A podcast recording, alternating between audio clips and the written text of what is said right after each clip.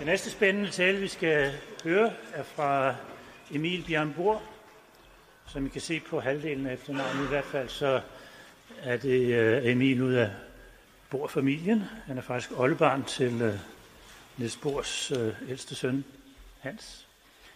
Um, så Emil er uh, indfødt til Niels Institut, også med hensyn til uddannelse. Han har fået sin Ph.D. fra, fra Niels Bor Instituttet, og har været lige været en tur i Swansea og i Princeton på vej som, som postdocs. Ikke? Og øh, bortset fra, altså han er nu ansat øh, på det, vi kalder Nesbor Internationale Akademi, som så arbejder de gamle Nordita øh, kontoret på, ved siden af Niels Bohr Instituttet. Øh, han, uden at være ansat der, er jo, er vi jo deltager jo alle mulige internationale og internationale komiteer og, og, øh, øh, og, og for eksempel er, er scientific editor på det, der hedder Scientific Reports under, under Nature. Så uden at nævne det, øhm, alle, alle de ting, som du skrev til mig, så vil du fortælle os om kvantemekanik og tyngdebølge og sorte huller, og det glæder vi os til.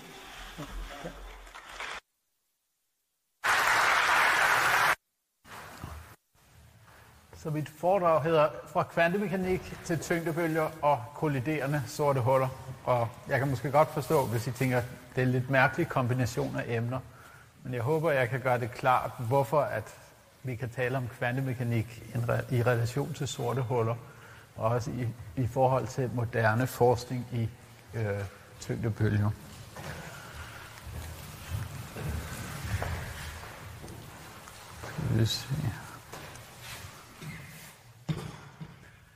Så først og fremmest, hvad er tyngdekraften? Så tyngdekraften er på mange måder en ret speciel kraft.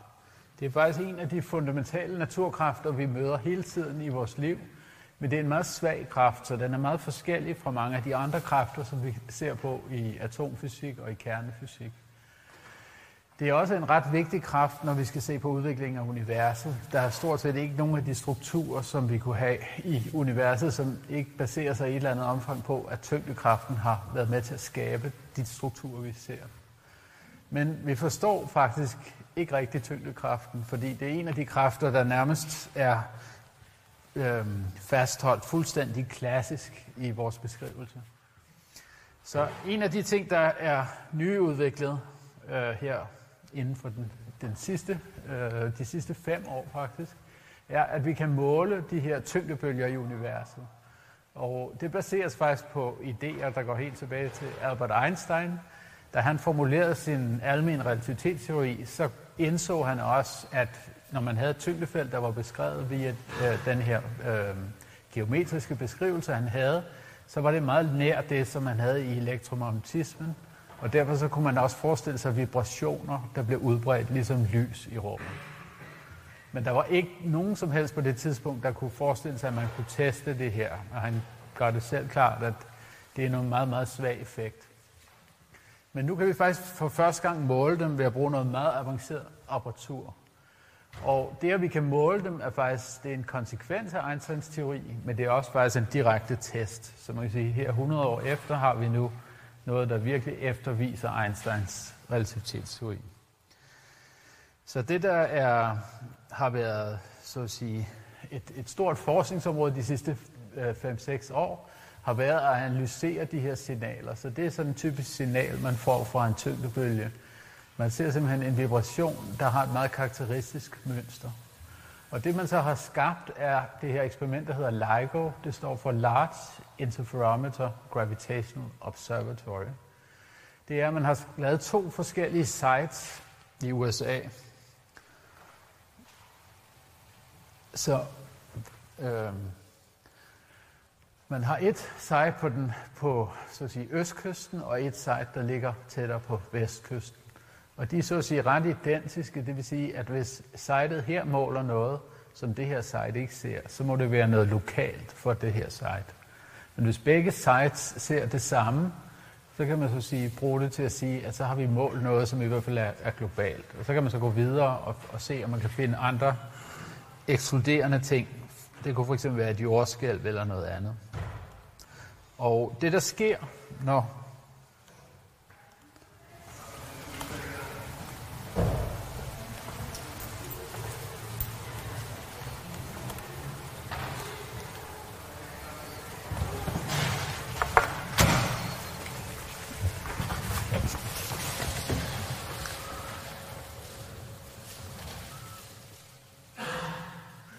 Det, der sker, når vi har en måling, det er simpelthen, at, at man skal forestille sig jorden som sådan en øh, badebold. Den bliver presset lidt sammen, sådan at den bliver lidt mere aflang, og det forskyder de her arme. Og det er ikke ret meget, de bliver forskudt. Det vil jeg fortælle jer lidt senere, men det er så at sige størrelsesordenen en forskydning på én proton. Så det vil sige, at de her arme er nødt til at være rigtig lange, og, og det her laserinstrument utrolig præcist. Så vi har cirka 10 km lange arme i instrumentet her. Så spørger I måske, hvad er sådan et sort hul? Så et sort hul, det er simpelthen et område af universet, hvor alt, hvad der er inde i, er presset så meget sammen, at selv lys kan ikke slippe ud. Og derfor så kan vi ikke se noget lys fra det. Det er så ikke helt rigtigt, fordi der er Hawking-strålingen, men i så at sige, den klassiske beskrivelse, så forestiller vi os simpelthen nærmest en sort skal, hvor vi bare ikke kan se ind under den her horisont. Og det vi forestiller os, der sker, når sådan et sort hul dannes, det er, at vi har en stor stjerne, og på et eller andet tidspunkt, så har den brændt sit kernebrændstof op. Og når den bliver til en supernova, så bliver en del af kernen, den kan falde sammen til sådan et sort hul. Og vi observerer i universet sorte huller stort set alle mulige steder. I de fleste øh, galakser er der et sort hul inde i midten, der ligesom holder de her galaksearme på plads. Der er også nogle eksempler, hvor der ikke er, men så forestiller man sig, at det er blevet skubbet ud af noget andet. Sorte huller er så komprimeret, at hvis vi skal lave en, en størrelsesforhold, så kan vi tage sådan et bær her, og så sige, at hvis jorden var et sort hul, så ville den være på størrelse med sådan en bær. Så det giver lidt perspektiv hvor meget materialet er presset sammen. Og de kan være meget varierende i masse. Vi kan have dem fra cirka 2-3 solmasser op til flere hundrede millioner solmasser. Så dem vi beskriver, når vi ser de her kollisioner, det er så typisk nogen, der er sådan øh, i en form for mellemklassen. Så vi forestiller os det her scenarie. Vi har to sorte huller et eller andet sted i universet, og pludselig så kommer de i bevægelse og bevæger sig ind mod hinanden. Og når de begynder at rotere rundt her, så kan vi måle forskellige ting. Vi kan blandt andet måle rotationen i det plan, som de roterer i. Og så kan vi måle på forskellige ting, som hvor hurtigt øh, de begynder at bevæge sig ind mod hinanden. For hver gang de kommer lidt tættere på, så er det sådan, som om, at der er en slags viskositet fordi de bevæger sig i det her rum, så der er et, så at sige, en form for gravitationelt tyngdefelt. Og det gør, at de kommer til at udsende en lille bit smule stråling, hver gang de roterer. Så de falder hele tiden en lille smule tættere ind mod hinanden. Men selve processen kan tage mange millioner år. Når de kommer rigtig tæt, så begynder de at influere hinanden på den måde, at de skaber nogle vibrationer af rum og tid.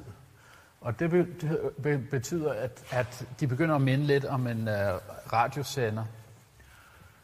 Så vi får simpelthen stråling, der bliver sendt ud. Og vi kan faktisk lave en ret sammenlignelig beskrivelse af sådan en radiosender, der udsender et elektrisk signal til en radio her.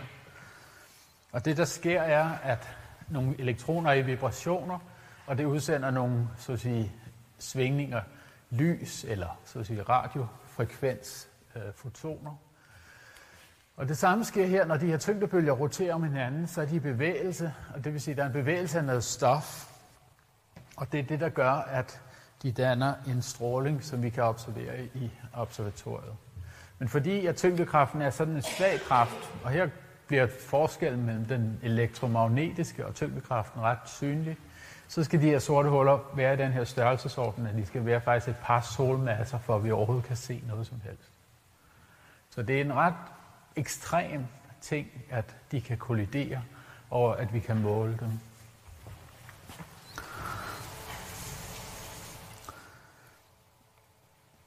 Når de så kommer rigtig tæt på hinanden, så begynder bevægelsen at blive relativistisk. Og vi snakkede før om den her krumning. Krumningen bliver så ekstrem, at vi får udsendt en hel masse tyngdebølger på samme tid. Og faktisk er intensiteten er sådan et event, den er lige så stor, kan man regne ud, som hvis man tog udstrålingen af samtlige stjerner i et meget kort interval, kunne man så sige, have det sammenligneligt med den her stråling, der udsendes. Så det er en helt ekstrem energiudladning. Det er noget, der svarer til, at man tager to eller tre for eksempel solmasser og laver det til energi på ingen tid. Og ligesom at lyset kan afbøjes, så kan de her tyngdebølger, de opfører sig som, som lys, så de bevæger sig med lysets hastighed gennem rummet, og de kan så at sige også afbøjes rundt omkring forskellige objekter på deres vej. Når vi så ser eventet, så kategoriserer vi så at sige de svingningsmønstre, vi ser. Og det er typisk sådan en mønster, hvor vi starter med noget meget regulært, og når vi så kommer tættere på, så får vi nogle meget kraftige udsving. Og så på ingen tid, så bliver kurven helt flad. Og det er så at sige det, eksperimentet kigger efter. Og så afhængig af, hvor stærkt det her signal er. Hvis vi har et svagt signal, så kan vi se, at det må være to ret små sorte huller. Hvis det er et stærkt signal, så kan vi se, at det må være større. Så vi kan lave nogle øh, grafer over de her events, og hvor meget masse de forskellige sorte huller har. Og det er så en illustration af, hvad der sker i de forskellige faser. Så den inspirerende fase, det er den første, hvor bevægelsen er ret regulær. Så er der den her fase, hvor de begynder at komme tættere på hinanden. Så er der den aller sidste fase her, den kalder vi ring down. Det er ligesom, når tingene er ved at falde på plads i et sort hul. Og det her, det er de to overlejede kurver fra de to eksperimenter.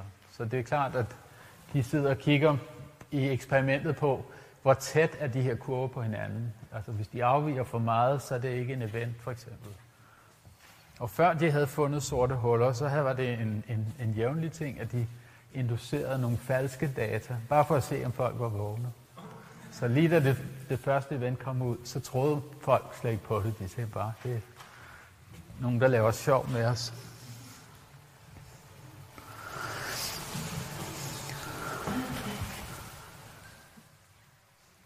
Så det er en, en video af, hvordan man kan se, så at sige, processen. Det er selvfølgelig stiliseret af, hvad det er, men det er lidt som forestiller sig sådan en slags tyngde grød, hvor de ligesom æder sig ind på hinanden, og hvor man så får de forskellige faser. Så, størrelsesorden.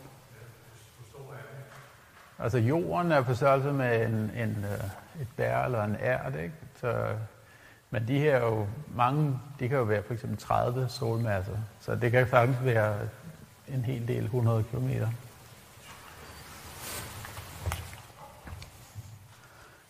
Det er så en video her, der viser, hvordan strålingen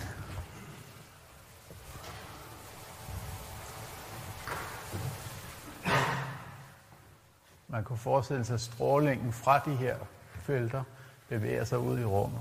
Så når de cirkler ind mod hinanden, så ligesom vi har nogle øh, spændingsfelter, tyngdefelter,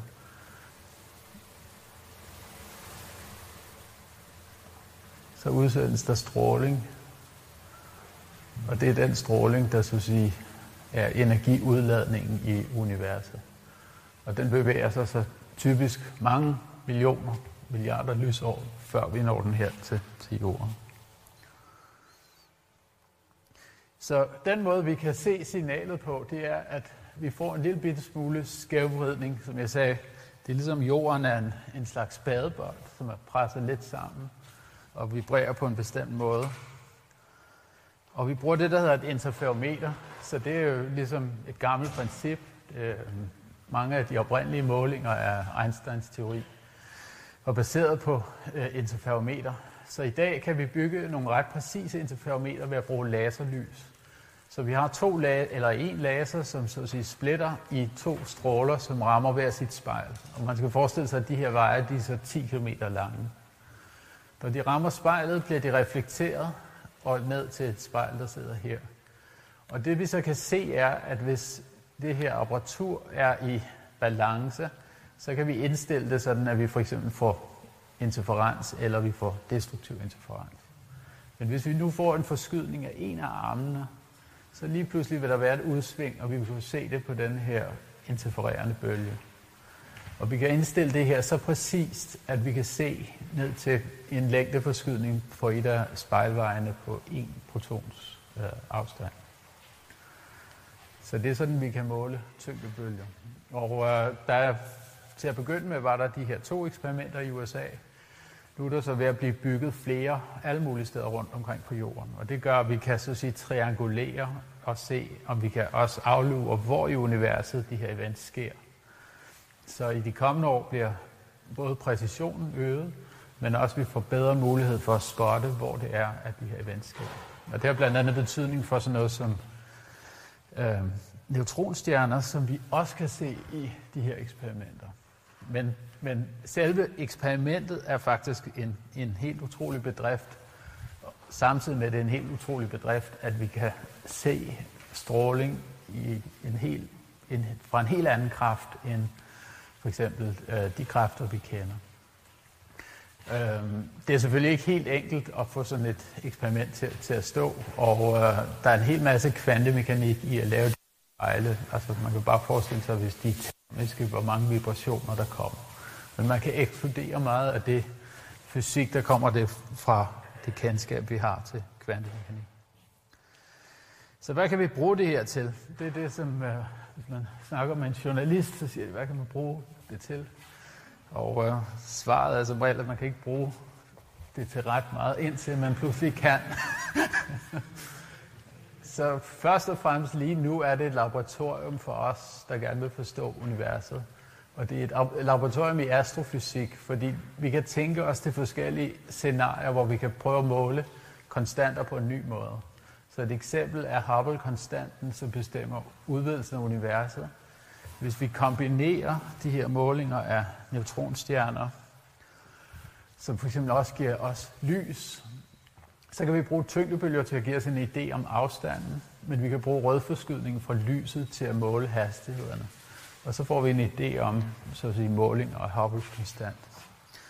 Og så kan vi, hvis vi har mange af de her event, få statistik og dermed få bedre præcision af målingerne.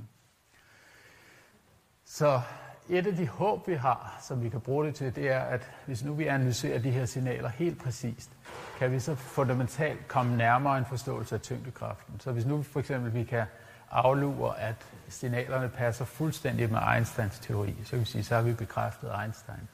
Men det kunne være, at når tiltrækningen er meget, meget stærk, at de her signaler ikke er helt overlejrende ude i, i enden af sådan et event, når tyngdekraften er meget, meget stærk. Og det kunne for eksempel signalere, at vi skal ind og finde nogle teorier, der måske korrigerer Einsteins teori. Så, så det er et af de områder, som vi arbejder på. Et andet område er simpelthen at gå ind i det her emne, som hedder kvantetyngdekraft. Så man kan sige, hvis man har Einsteins teori, så er den fuldstændig klassisk. Og det er på en eller anden måde et filosofisk paradoks at have en teori, som er fundamental, men som er klassisk, når vi så at sige har accepteret, måske nødtvunget, at øh, resten af verden er kvantemekanisk. Så der er forskellige emner, man kan, man kan kigge på her. Jeg vil komme ind på noget af det. Øhm, jeg vil lige give en video her af, hvad der sker med sådan en neutronstjerne, for det er faktisk endnu mere flot næsten end de sorte huller. Så for neutronstjernerne er der både lys og tyngdebølger, der kommer ud. Så det er så at sige samme inspirering. Men i det øjeblik, at de bliver opslugt af hinanden, så bliver der også udsendt en hel masse stof. Og meget af det stof er højere øh, grundstoffer, de grundstoffer, der for eksempel også dannes ved supernova-eksplosioner. Så man mener faktisk, at en hel del af det guld og platin, vi har, det skyldes øh, sådan nogle øh, neutronstjerne-kollisioner. Så det har lidt, øh, så at sige, dannet en af de brækker, som man manglede for at forstå, hvor alle de tunge grundstoffer kom hen fra de astrofysiske events, man havde. Teoretisk, for at gå tilbage til det emne, så kender vi jo tyngdekraften først og fremmest fra Isaac Newton. Og øh, det er vist en vandrehistorie, men det siges, at han sad under et træ og tænkte filosofisk over tyngdekraften, mens han fik et æble i hovedet. Og så fik han den idé, at tyngdekraften af det her æble, der faldt ned, og tyngdekraften af så at sige, månen, der svævede over ham, at det var den samme kraft. Og så satte han sig til at regne, og så så han, at han kunne universelt beskrive de to kræfter på samme vis.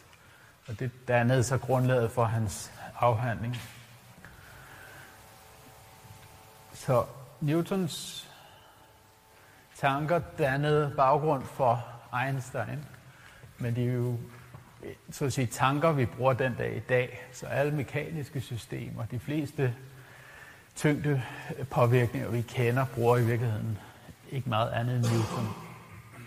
Men da Einstein havde øh, så at sige, fremsat den specielle relativitetsteori, som var nødvendig for at forene elektromagnetismen, så så han, at der var nogle antagelser, han gjorde sig, som han så at sige, kunne ophæve, og så får man så at sige, den almene relativitetsteori. Og den almene relativitetsteori er langt mere kompliceret end den specielle. Det er en fuldstændig geometrisk teori, som faktisk forudsiger, at energi, hvis man har energi i et tomt rum, så skaber det en krumning. Og vi kan forestille os, at vi har sådan et, et lag, vi spænder ud. Universet som et lag, og der ligger simpelthen et bold på det her lag. Og lagene synker lidt ned der, hvor bolden ligger, og det er det, vi kalder en fordybning i rumtiden. Det er lidt svært at forestille sig, hvordan det er ude i rummet, fordi vi har jo så at sige, en rumtid, der er firedimensionel. Men hvis vi så at sige, overfører det her todimensionelle billede til, til noget, som kunne være firedimensionelt, og abstrahere, så kan vi så danne os i hvert fald et begrebsbillede af det. Så det vil sige, at vi har masser i rummet, der skaber en krumning, og hvis vi har lys, så bevæger det sig så langs den her krumning. Så lys, eller alt muligt, der bevæger sig i rummet, det følger så at sige, såkaldte geodætlinjer. Det vil sige de naturlige linjer, der er dannet af den krumning, som rummet skaber. Så det vil sige, at tyngdekraften bliver i virkeligheden et udtryk for geometri. Hvis vi har tyngdekraft, så betyder det, at det rum, vi bevæger os i, det har en bestemt geometri, og geometrien opstår, når vi så at sige, putter den her masse eller energi ind. Og det giver os den her krumning. På grund af krumningen, og fordi vi er i et rum, som har både rumlige koordinater og tidslige koordinater, så inducerer faktisk krumningen en slags tidsforskydning. Og det vil sige, når vi skal regne på, hvordan sådan nogle satellitter opererer ude i omkring jorden, så skal vi faktisk korrigere en lille smule for det, for at deres tidsopfattelse bliver helt rigtig. Så vi bruger så at sige allerede elementer af den her generelle relativitetsteori. Og hvis vi forestiller os, at vi sad inde i et sort hul, så vil tiden faktisk gå i stå. Det, dem der jer, der har set uh, Interstellar, har sikkert set, hvordan de opererer med sådan uh, planeter, hvor tiden går meget hurtigt og meget langsomt. Og uh, hvis vi ser på lys, der udsendes, så kan vi faktisk også se sådan en frekvensforskydning for lys. Så det vil sige, når vi laver målinger af stjerner, så kan vi faktisk se den her krumning. Så vi har en hel masse indirekte observationer af tyngdekraften. Øhm. så et spørgsmål, som så folk har stillet lige siden Einstein. Einstein er 1915, kvantemekanikken er 1913-20, har været så at sige, kan vi udvide det her billede? Så et af de ting, man kan, man kan overveje, det er, at Einstein bruger meget den her frit faldende elevator. Det svarer til, at man bare befinder sig på sin geodætlinje på det her krumme rum. Når det er frit fald, så følger det linjen fuldstændig deterministisk. Og inde i elevatoren sidder der så en person, og personen siger, er der nogen tyngdekraft? Og i princippet siger Einstein, at e, hans ekvivalensprincip vil sige, at, at der skulle ikke være nogen så at sige, tyngdekraft inde her i elevatoren. Men hvis vi tager den her klassiske teori, er der lidt et problem. Altså for eksempel tillader den øh, de her sorte huller, som er totalt singulære. Det er ligesom, de har et singulært punkt. Og det er en fuldstændig klassisk teori, den er deterministisk. Så hvad sker der, hvis vi for eksempel har noget kvantestof, som er nu inde i det her geometriske rum? Bliver rummet så kvantemekanisk, geometrisk et blanding? Så der har været en hel masse arbejder på at forstå, hvordan man så at sige kunne forestille sig en kvantisering af tyngdekraften. Og der skal man måske have sådan en, en idé om, hvad det er, vi forstår ved kvantemekanik. så i klassisk fysik, der forestiller vi os, at vi kan gå fra et punkt A til et punkt B. Men i kvantemekanik, der er vi så at sige nødt til at kigge på, hvor mange forskellige måder vi kunne gå fra A til B. Og det kan være, at der er en vej her, som er den mest sandsynlige vej at gå. Men det, der er sikkert også en anden vej, der ikke er helt så sandsynlig, men det kunne være en vej. Og det ser vi, når vi kigger på atomfysik. Vi har så noget som fluorescens, som i virkeligheden er en forbudt vej, men som på grund af kvantemekanikken kan tages, og derved så får vi, at, at fosfor og sådan noget lyser op om natten. Så kvantemekanikken har så at sige øh, stået for det her skift, at vi ikke kan tale om naturhistorie eller naturvidenskab som deterministisk, i hvert fald ikke, når vi taler fundamental fysik. Og det vil så sige, at vi er nødt til at mentalt lave det skift, at der højst sandsynligt er en kvantemekanisk tyngdekraft. Så det, det her er en, er, en, er en meget udfordrende beskrivelse, men den er især meget udfordrende i sådan noget som øh, tyngdekraften, fordi den beskrivelse, som Einstein foreslår, er så geometrisk og hænger så meget på rummet, at det er svært at forestille sig, at vi så at sige kan kvantisere det. Så hvis, øh, så et eksempel på, hvordan sådan noget kvantemekanik er lidt mystisk. Jeg har altid synes, de her øh, øh, øh, så sige, optiske illusioner er lidt interessante i forhold til det. Så her er en figur på en, en, en optisk illusion, og den giver mening, hvis vi så at sige blokker den ene halvdel. Men hvis vi så at sige blokker den anden halvdel, så giver den også mening. Og kvantemekanikken er lidt på den måde, at ting kan være bølger og partikler på samme tid. Så det er sådan en beskrivelse, vi skal over i også for tyngdekraften. For lige at vende tilbage til det med kernefysikken, så er en konsekvens af de her beskrivelser, hvor vi så at sige ikke ved, hvad vej vi vælger, er, at, at det her med tid og impuls er forbundet via en ubestemthedsrelation. Og det er det, der gør, at det er svært at kvantificere rummet. Fordi hvis rummet er sted, så skal vi så at sige ikke vide noget som helst om impulserne. Og omvendt, hvis vi kender alt det i impulsrummet, så er det ligesom om, at så bliver stedet vanskeligt. Og hvordan beskriver vi så geometrien her? Og øh, så det spekulerede de to herrer, Einstein og Bohr, meget over. Og jeg tror ikke, det lykkedes Bohr nogensinde at overbevise Einstein. Men øh, sidenhen har, har eksperimenter vist, at, at den kvantemekaniske beskrivelse er den mest korrekte i forhold til de ting, vi observerer. Så hvis vi laver atomfysik, så har vi meget præcise modeller for, hvordan vi kan beskrive sådan et atom. Så vi har en kerne, og så har vi en skalmodel, hvor vi kan hoppe mellem de forskellige energiniveauer. Og det helt afgørende er, de forskellige skaller har forskellig energi, og de afhænger af en frekvens gange Plancks konstant. Det vil sige, at når vi udsender stråling, så sker det ved, at vi springer fra skal til skal. Så hvis vi skulle forestille os noget tilsvarende i gravitationsmodel, så kunne vi tænke os, at de her to sorte huller hang sammen lidt på samme måde. Det er selvfølgelig ikke et elektromagnetisk potential her. Det er ligesom noget, som har en, en, øh, en øh, gravitationel potentiale.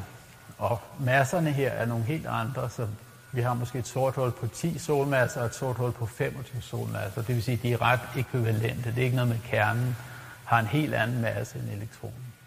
Men vi kan faktisk godt lave en kvantemekanisk øh, teori, der hedder Lippmann-Swinger, som beskriver sådan et system relativistisk, og hvor vi forestiller os, at det potentiale, vi har her, er bare et, et klassisk potential, der så at sige afhænger af noget kvantemekanisk. Så vi bruger korrespondensprincippet til at gå fra noget klassisk til noget kvantemekanisk.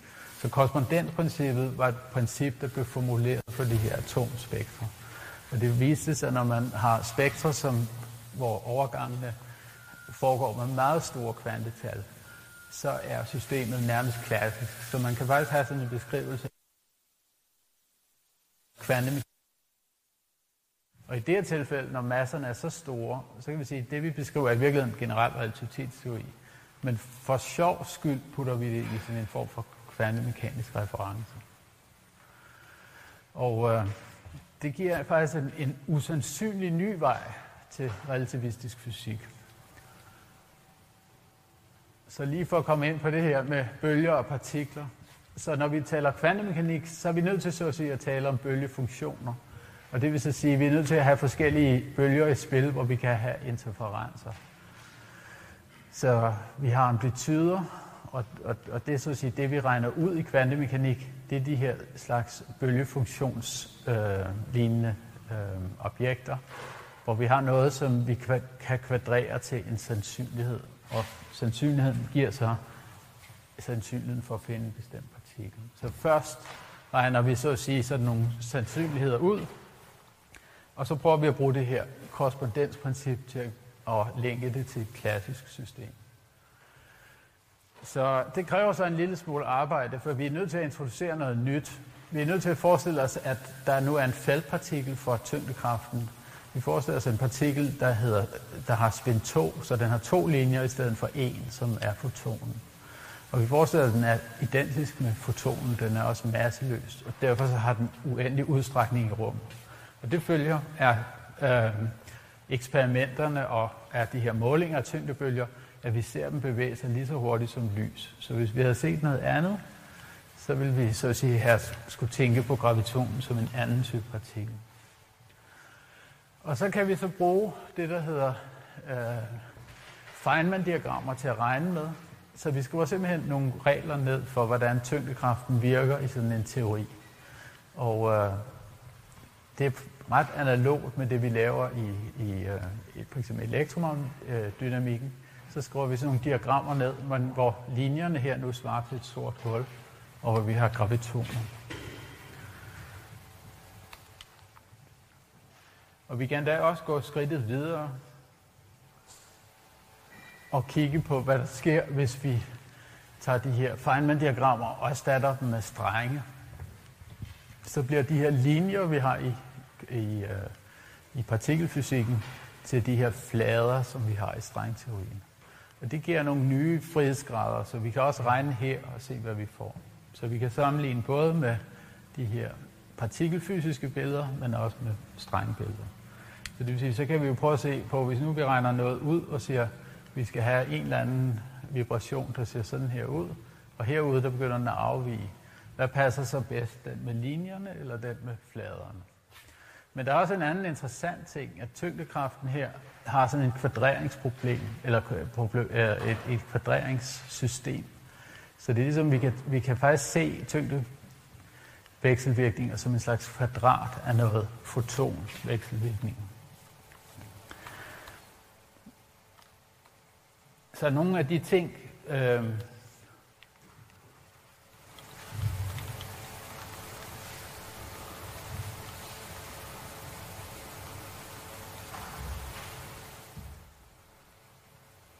Så nogle af de ting, vi virkelig gerne vil forstå, det er de her store emner. I har sikkert hørt masser om mørk energi og mørkt stof.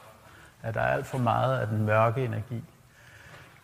Så et af problemerne, som vi ser, er, at universets udvidelse kræver faktisk kun 4% almindeligt stof. Og samtidig så ser vi, at kræfterne her, de så at sige, har en tendens til at forene sig i de fleste teorier, vi kender, så vi får tyngdekraft, når vi har rigtig høje energier. Og så har vi modeller, hvor vi forestiller os nye symmetri. Altså hvis vi har et brintatom her, så kan vi lave en symmetri, der så at sige overfører de her partikler til nogle nye partikler. Nogle partikler, der hedder supersymmetriske partikler. Og det viser sig, at der er nogle af de her elementer, der, der så at sige kan forbindes. For eksempel kunne vi forestille os, at de her nye partikler, vi danner her, er relateret til det mørke stof, vi kan se.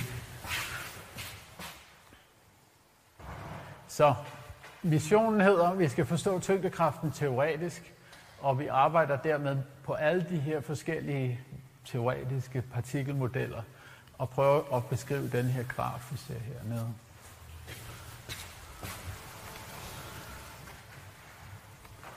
Og øh, det er jo selvfølgelig helt klart noget, der følger af sådan en videnskabelig øh, metode, at vi har nogle data, vi har nogle teori, og vi udvikler hele tiden ny og bedre teori for det. Og det er også sådan, hvis vi går tilbage i tiden, at folk har arbejdet Tycho Brahe ser en lille smule afvielse fra cirkulære baner, så han analyserer, og Kepler finder så nogle principper bag det, at der er for eksempel sådan en areallov for en ellipsebane. Og hvis vi kigger på Einsteins teori,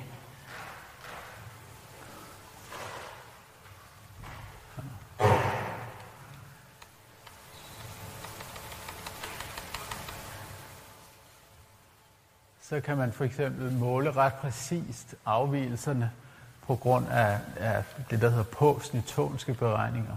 Så det, der også hedder perihelion afvigelser. Og vi kan også måle sådan noget som lysets bøjning i rummet. Så der er en bestemt vinkel, vi associerer med lysets bøjning. Og det var Einsteins bekræftelse af det, eller nogens bekræftelse, Edisons bekræftelse af det, der så at sige gav Einsteins teori et dens momentum. Så lidt mere spekulativt i de her data, så er der også så at sige, det, der hedder kvante-ego-effekter. Så vi kan forestille os, at når de her to sorte huller bevæger sig sammen og danner et sort hul, så er der ligesom en skygge af noget tilbage, ligesom at kvantefeltet husker, at de her sorte huller var der. Så efter vi har haft den her vibration, så kunne det være, at der kommer et lille efterchok. Så folk kigger langt efter på de her grafer over sorte huller, om der kommer en lille bit smule bevægelse, selv når det sorte hul er blevet dannet. Vi kan også have sorte huller, der spænder, og det kan vi også kigge efter i effekterne. Så meget hurtigt, det vi gør, når vi regner, det er, at vi så at sige, kigger på alle mulige måder at regne de her diagrammer ud. Vi er nødt til at kigge på noget, der hedder loop-diagrammer for at regne alle effekterne ud. Det er blandt andet diagrammer som dem, vi ser heroppe. Og så bruger vi matematiske identiteter, som bruger for eksempel strengteori, til at simplificere de her beregninger.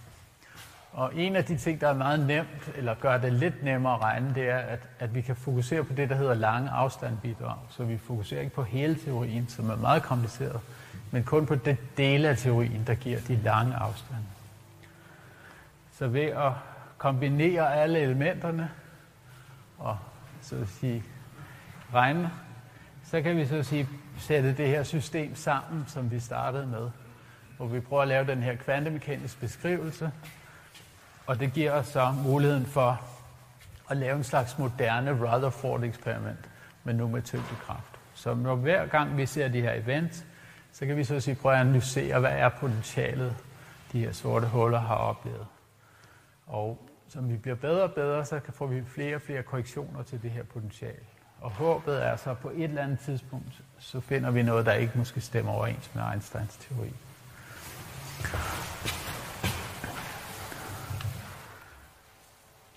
Så der er jo selvfølgelig tusindvis af spørgsmål, og selvom man så besvarer de spørgsmål, så er der uh, ocean of truth out there. Men uh,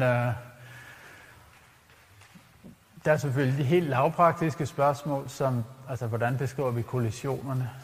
kan vi beskrive kvanteeffekter. Hvis vi forstår kvanteeffekterne, så kan vi måske også komme ind på de her paradoxer som informationsparadoxer, Hawking-stråling.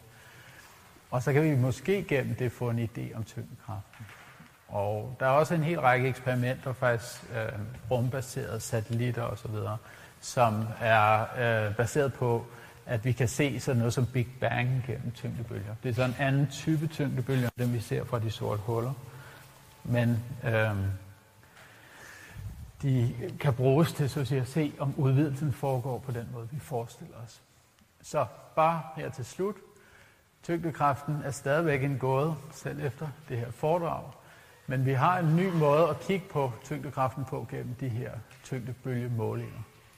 Og et, en vigtig opgave for os, der arbejder med det, det er så at sige at forudsige afvielser fra Einsteins teori.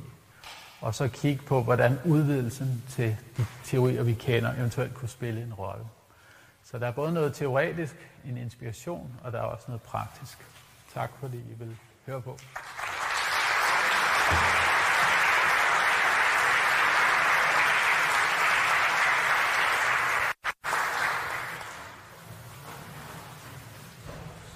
Jeg er sikker på, at der er nogen, der brænder med spørgsmål. Eller to. Ej, er der ikke flere, der vil have noget vide noget om sorte huller? Hvordan kommer man ud af dem? Ja, for eksempel, hvordan kommer man ud igen? Jo, jo. Grafen Ja. med svingninger, når du sagde, at de to sorte huller kom tæt på hinanden. Jeg kan slet ikke... Over hvor, altså, over hvor lang tid... Altså, Altså det kan, det kan faktisk være ved i, i mange millioner år, fordi hvis de er så at sige, ret identiske, og de ikke svinger ret meget ind mod hinanden, så er det jo ligesom sådan en planetbane, den fortsætter bare, ikke? de svingninger, som, den så, som I så observerer, Ja. er en protonsstørrelse. Det, Jamen det er så, når du kommer meget tæt på, altså så, så du, du begynder at se den her, og når, når der så er en vibration nok til, at vi kan observere, så er det en dødsspiral. Det kommer de ind og, og mødes, ikke? Der vil sikkert også være en hel masse derude, som bare svinger rundt, som vi ikke kan se, fordi det er ikke voldsomt nok endnu. Så. Ja, men så vidt jeg husker, øh, det, det billede, man ser, det man først observerer, Ja. det er typisk minutter, tror jeg nok. Ikke? Ja, ja, men det er så også den, den aller sidste fase. Jo, men bare for ligesom... ja, det er klart. Ja, Andre spørgsmål? Ja, ja. ja. Ja. Jeg har mikrofonen, så jeg har ordet. Øhm, øh, det er jo øh, fantastisk, at man efter 50 år ja. har kunnet konstatere det. Men hvad der er endnu mere fantastisk, synes jeg, at øh, der gik jo seks måneder næsten, før man næsten bruger det, forstår jeg, på sådan en helt øh, ordinær fasong som observatorium. ja. Øhm, hvad, kan du lige sige nogle af de der ting, hvor man sådan set nu siger, vi, det der tyngdebøger, det kender vi. Ja, ja. Vi bruger det bare nu. Ja. Kan du fortælle lidt om nogle af de der observationer, Jamen, altså, lavet? da det først kom ud, så var de meget, meget øh, bange for så at, sige, at komme ud med noget, der ikke holdt. Så de, de fastholdt så at sige, dataerne, de, de oppublicerede dem ikke. Altså det blev, signalet kom i 2015, men de, det var kun udvalgte få skare, der fik at vide, at der var et signal. Og så gik der næsten ni måneder inden, at de meldte ud med en publikation. Og der analyserede de så de mange forskellige scenarier, der kunne være for, at de fik et signal. Der var blandt andet en teori på et tidspunkt om, at lynnedslag kunne give signaler. Men det er meget svært at, at se noget på 3.000 km afstand, som foregår ved to forskellige detektorer samtidig. Men det er jo sådan, videnskabens opgave er også at stille spørgsmålstegn. Så der var en hel masse, der stillede spørgsmålstegn, og spørgsmålene blev besvaret, og så publicerede de. Men så sidenhen er der jo sket det, at de har set i hvert fald en eller to om måneden. Og det vil sige, nu er statistikken jo op på, at, at, det er at der er jo ikke noget at sige til, de observerer dem. Og nu kan vi så gå mere ind i detaljerne på, hvad rent praktisk kan man bruge data til. Du har ikke lyden fra de første observationer, fordi man kan jo lave det om til lyd og høre det, så kan man faktisk svare på de spørgsmål der, hvor hurtigt går sådan noget til sidst. Det er jo ret fantastisk lyd, jo, ikke? Jo, jo. Altså nu ved jeg ikke om... om, øh, om øh, well, altså det er jo sådan en slags... Øh, når, når de bevæger sig mod hinanden, så det sidste, den sidste fase går hurtigere og hurtigere, Ja. fordi der sker en acceleration. Så det lyder som sådan en svirp. Så det er sådan en svir. Man kan google det på, på, okay. På YouTube, The Sound of Black Kan jeg Hole. anbefale Ja, ja. google lyden af de to, der stod sammen. Det er fantastisk, ja. Men en del af, af, af det præcise data kommer faktisk fra, når de bevæger sig så at sige, elliptisk, for så får man den her sådan næsten sinusagtige kurve. Og der kan man ret præcist, der skal man bruge nogle ret præcise data for at beskrive, at den øh, kurven er... Så, så der er forskellige elementer i en kurve, man er nødt til at, at kigge på.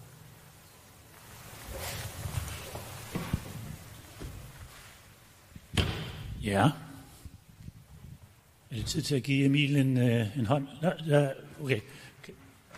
Ja, der er en. Det er opført. Ja.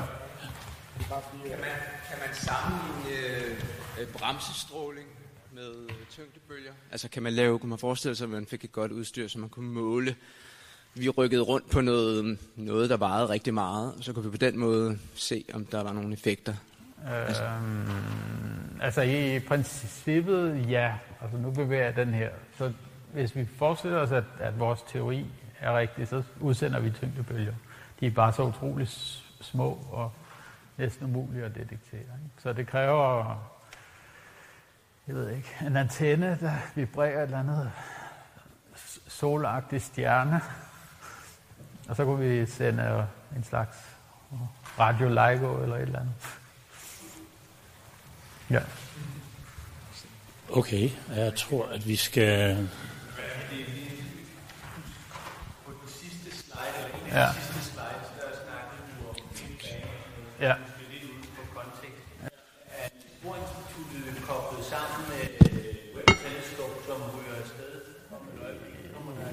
Ja, så der kommer også data ind. Der er jo en hel del øh, folk, der arbejder med observationer. Så vi er også med der. Men øh, altså meget af det der er jo sådan store samarbejder, hvor alle mulige institutioner er involveret, og så får de del i data og er med til at analysere. Og det, man forestiller sig, når det er Big Bang, det er, at man skal ned i et andet frekvensområde. Så ligesom lys har forskellige frekvenser, så har sådan nogle tyngdebølger også forskellige frekvenser. Og dem, vi kan se fra LIGO, de ligger i et bestemt frekvensområde, som passer med de her sorte huller. Men hvis vi taler Big Bang, så skal vi ned i et andet frekvensområde. Og det vil sige, at vi har brug for nogle andre instrumenter. Og et af de instrumenter, der er projiceret, det er et, et satelliteksperiment, hvor man faktisk har tre satellitter i bane, der udsender laserstråler, ligesom LIGO. Og så kan man så få en anden præcision, og dermed et andet frekvens.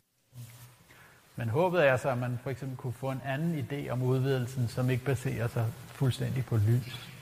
Og så kunne man måske besvare nogle af de spørgsmål, man ikke forstår om inflation og andre ting.